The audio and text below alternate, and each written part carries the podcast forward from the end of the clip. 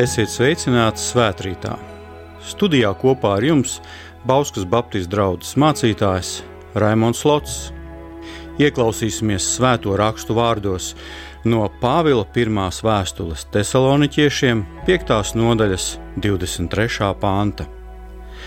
Pats miera Dievs, lai jūs svētī visā pilnībā, un viss jūsu gars, dvēsele un miesa nevainojami tiek saglabāta mūsu Kunga Jēzus Kristus atnākšanai.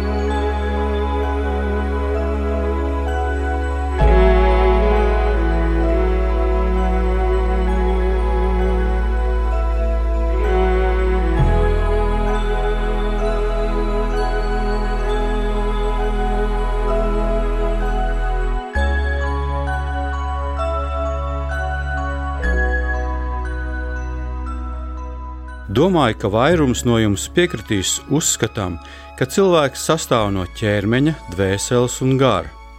Par to arī vēsta Bībele, Dieva vārds skaidri norādot, ka cilvēka dvēsele dzīvos mūžīgi, vai nu Dieva klātbūtnē debesīs, ja esam glābti, vai arī šķirti no Dieva, ja esam noraidījuši Dieva glābšanas dāvanu. Šodien vēlos jūs aicināt uz pārdomām par dvēseles veselību. Pēdējā laikā ļaudis arvien vairāk un vairāk sāk pievērsties veselīgam dzīvesveidam. Kādi savu ķermeni cenšas norūdīt aktīvi sportojot, kādi pievērš īpašu uzmanību veselīgam, sabalansētam uzturam, kādi cenšas pasīvo atpūtu aizvietot ar aktīvu atpūtu. Tas ir labi, ka esam sākuši saprast, ka ir nepieciešams rūpēties par savu veselību Jo, ja esam pavirši pret to, tad mūsu ķermenis ātri liek to manīt caur sliktu pašsajūtu un dažādām kaitēm. Bet kā ir ar mūsu dvēseli? Vai mēs rūpējamies par to, kā mēs to norūdam, kādu pārtiku mēs tai piedāvājam, vai mēs dodam iespēju arī dvēselē atpūsties? Dvēsele ir tas, kas tu esi, tavs saprāts, emocijas, intelekts un griba. Domāju, ka vairākums esam izvēlējušies mūžību pavadīt kopā ar Dievu. Un tas nozīmē, ka esam izvēlējušies rūpēties nevien par sava ķermeņa veselību, bet arī par savas dvēseles veselību. Kā to darīt? Līdzīgi kā mēs to darām ar savu ķermeni. Un tāpat kā mēs ievērojam savu ķermeņa higiēnu, ir jāievēro arī dvēseles higiēna. Mēs zinām, ka personīgās higiēnas neievērošana var būt par cēloni slimībām, kuras var novest pie letāla iznākuma. Kad esam nosmērējušies vai sasvīduši pēc aktīvas darbošanās, mēs mazgājamies, jo nedarot to mūsu ķermenis pārklājas ar netīrumiem, kas nevien nelabi ož, bet rada dažādus audu iekaisumus. Arī dvēseli ir nepieciešams attīrīt no visa netīrā un turēt to tīru, un to mēs darām caur grēku nožēlu. Kad tu to darīji pēdējo reizi? Pirmā Jāņa vēstulē, pirmajā nodaļā, 9. pantā mēs tiekam aicināti, lai atzītos savos grēkos. Tad viņš, tas ir mūsu kungs, ir uzticams un taisns, un mums piedod grēkus un šķīsta mūs no visas netaisnības. Grēks ir taču katra netaisnība, ko mēs darām.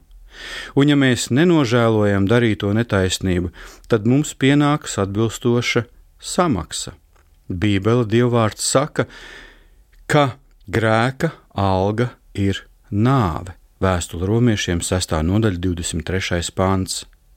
Bet grēku nožēlā cilvēks iegūst atdošanu, kas ir dieva dāvana.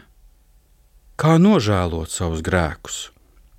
To mēs varam darīt viennozīmīgi, tuvojoties Jēzum Kristum ar lūgšanu. Sarunājies ar viņu domās. Ja nepieciešams, atrod kādu vietu, kur tev neviens netraucē, un izsaki savu nožēlu ar vārdiem. Dari to patiesi, un Kristus tev piedos. Tava dvēsele kļūs tīra no netīrumiem, un tu sajutīsi, cik skaisti ir būt tīram. Bet atceries, ka līdz tu sastapsies ar Jēzu mūžībā, ar vienu reizi nepietiks. Jo kamēr mēs esam saistīti ar materiālo pasauli, mūsu dvēsele bieži kļūst netīra savas apzinātās vai neapzinātās rīcības dēļ, varbūt pat kāda cita cilvēka rīcības dēļ, kur esam atbalstījuši. Tas jādara regulāri, līdzīgi kā mēs rūpējamies par savu ķermeni. Arī dvēselē ir nepieciešams sabalansēts, veselīgs uzturs. Šodien, augsto tehnoloģiju laikmetā, ir pieejams plašs garīgās maizes piedāvājums gan pēc formas, gan satura. Kad mums ir nepieciešams iegādāties maizi, mēs dodamies uz lielveikalu vai maizes veikalu un nonākam pie plaukta, kur atrodas maize. Pirmais, ko mēs ieraugām, ir maizes daudzveidība gan formas, gan iepakojuma, gan izstrādājuma ziņā. Šajā brīdī es vēlos teikt, ir labi, ja mēs zinām, kādu maizi pirksim, bet ja nē, stāvot pie pārpildītajiem plauktiem, rodas varbūt pat mazs apjukums. Kādu maizi izvēlēties? Rupjā maluma, pilngraudu, lētāko, dārgāko? Varbūt jums vēl ir kādi savi īpaši kritēriji, kas jums palīdz izdarīt izvēli. Bet, lai nu arī kāda būtu mūsu izvēle, mēs saprotam, ka jāizvēlas tā maize, kas ir veselīgākā, bet vai mēs to zinām? Līdzīgā situācijā mēs nonākam, kad domājam par garīgo maizi. Kādu literatūru, kādus interneta portālus, rakstus, kādus žurnālus, grāmatas mēs šodien lasām, kādas radio pārraides klausāmies, kādas televīzijas pārraides skatāmies. Kas manai dvēselē ir visvajadzīgākais, vispiemērotākais, aktuālākais? Jēzus Kristus norāda uz sevi kā dzīvības maizi. Viņš saka, es esmu dzīvā maize, kas nonākusi no debesīm, kurš ēdīs no šīs maizes, tas dzīvos mūžīgi. Jāņem evanģēlijas 6. nodaļa, 51. pāns. Kādu barību tu piedāvā savai dvēselē? Izvēle, ar ko tu remdēsi savas dvēseles izsalkumu pēc patiesības, taisnīguma, izpratnes, mīlestības, ir tavā izvēlē. Bet Dievs sniedz cilvēcei labāko, visveselīgāko pārtiku dvēselē. Tā ir Bībele, svētie raksti. Dieva rakstītais vārds, kurš mums sniedz neviens sāta sajūtu, spēku, gudrību un izpratni, bet ar to mūsu dvēseles tiek uzturētas mūžībai. Tāpat kā ķermenim, arī dvēselē ir nepieciešama atpūta. Steigas pilnajā laikmetā apgalvojums, ka dvēselē ir vajadzīga atpūta, skan diezgan izaicinoši. Jo, lai atpūstos, ir jāpaveic uzsāktais, apsolītais, bet ko darīt, ir tik daudz, ka neredz gala. Diemžēl šodien daudz cilvēki ir aizraujušies ar dažādām aktivitātēm tik tālu, ka pārpūlētais ķermenis to liek manīt caur darba spēju samazināšanos arī pašsajūtas pasliktināšanos, iegūtām traumām no pārslodzes un dažādām kaitēm. Dvēseli piedzīvo līdzīgu spēka izsīkumu, kā ķermenis pēc aktīvas darbošanās, tāpēc arī viņai ir nepieciešama atpūta. Mūsu debes Tēvs savā mīlestībā rūpējoties par mums dāvā šo tik nepieciešamo atpūtu dvēselē. Sešās dienās Dievs tas kungs radīja pasauli, bet septītajā viņš atpūtās, un septīto dienu Dievs svētīja un darīja to svētu. Vecajā derībā un ebreju valodā vārds sabat nozīmē atpūta, un tā bija septītā nedēļas diena.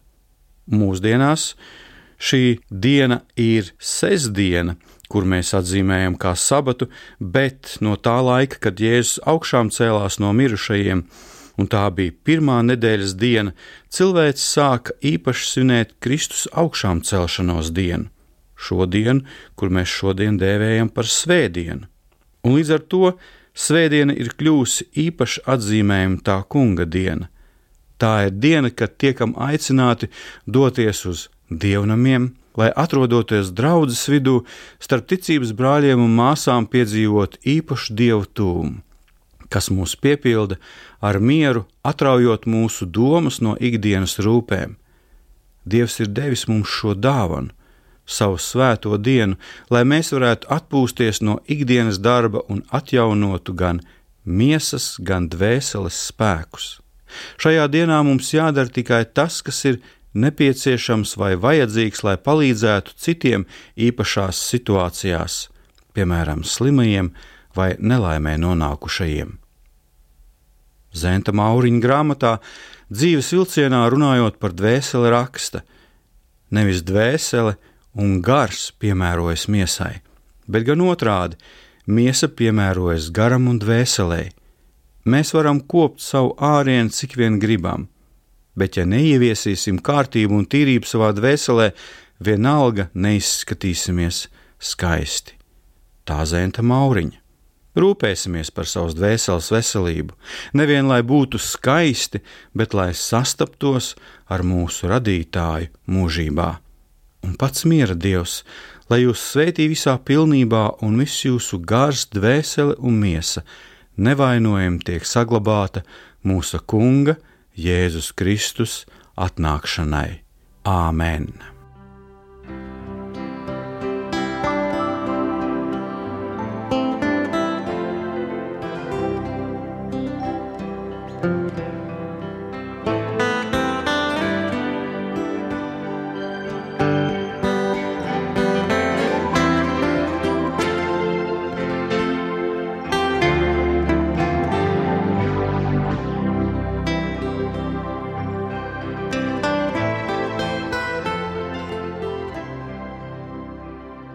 Lūksim Dievu! Debes Tēvs, Tu, kas valdi debesīs un virs zemes, mēs pateicamies Tev par Tavu mīlestību, par to, ka Tu mums dāvā dzīvības dāvanu, un to, ka Tu mūs esi radījis, ir apliecinājums Tavai mīlestībai pret mums.